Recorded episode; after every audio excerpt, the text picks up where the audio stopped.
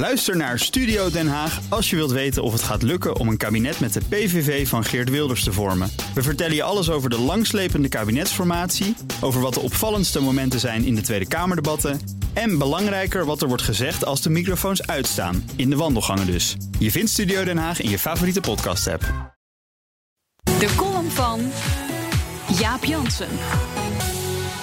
Maandag gaat premier Mark Rutte op visite in het Witte Huis.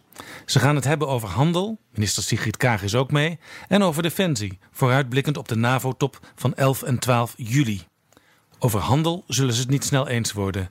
Donald Trump heeft zich vervreemd van zijn bondgenoten, bleek op de G7-top in Canada. De fotografen hoefden geen moeite te doen om het in beeld te brengen. De president was niet gefocust, vertelde een lid van de Amerikaanse Council on Foreign Relations me. Trump zat met zijn hoofd al bij de top met Noord-Korea. Maar, verzekert diezelfde Amerikaan, voor de NAVO-top is Trump wel goed geprepareerd. En Rutte krijgt daar maandag al een voorproefje van.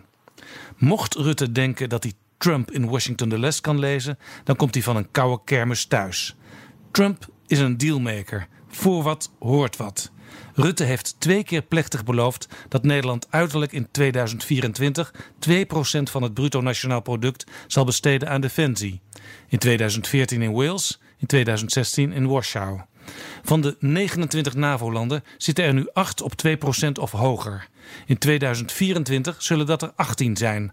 Maar Nederland zit daar, volgens berekeningen die de NAVO gemaakt heeft, niet bij. Terwijl er genoeg redenen zijn om de krijgsmacht te verstevigen. Rapporten van de Rekenkamer en de Onderzoeksraad voor Veiligheid laten keer op keer zien: Defensie is niet in staat zijn taken goed uit te voeren.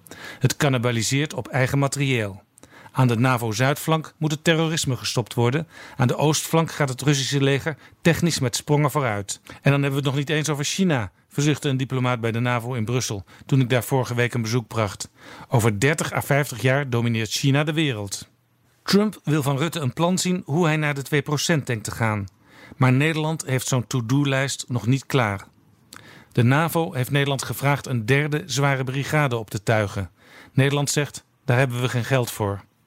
Door de economische groei zal het percentage van het BNP dat ons land uitgeeft aan defensie de komende jaren zelfs dalen.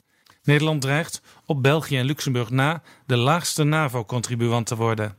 Toen Trump campagne voerde voor het presidentschap, noemde hij de NAVO uit de tijd. Eenmaal president nam hij dat terug. De transatlantische verhouding is solide, hoor ik van Amerikanen. Ze wijzen erop dat in Europa de Amerikaanse militaire bestedingen stijgen. Maar, klinkt het waarschuwend, de president accepteert gewoonweg niet dat Nederland zo achterblijft. Op dit moment geeft Nederland jaarlijks 9 miljard euro uit aan defensie.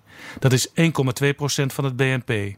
Om naar 2% te gaan moet er uiteindelijk 7 miljard bij. Een enorm bedrag. Geen politicus durft daar zijn lot aan te verbinden. Maar, zal Trump maandag zeggen tegen Rutte, beloofd is beloofd. Ook Diana Matroos vind je in de BNR-app. Ja, inderdaad. Je kunt live naar mij luisteren tijdens de Big Five. Ook handig in de BNR-app. Breaking nieuwsmeldingen, maar ook het allerlaatste zakelijke nieuws. En je vindt in de app alle BNR-podcasts, waaronder Wetenschap Vandaag. Download nu de gratis BNR-app en blijf scherp.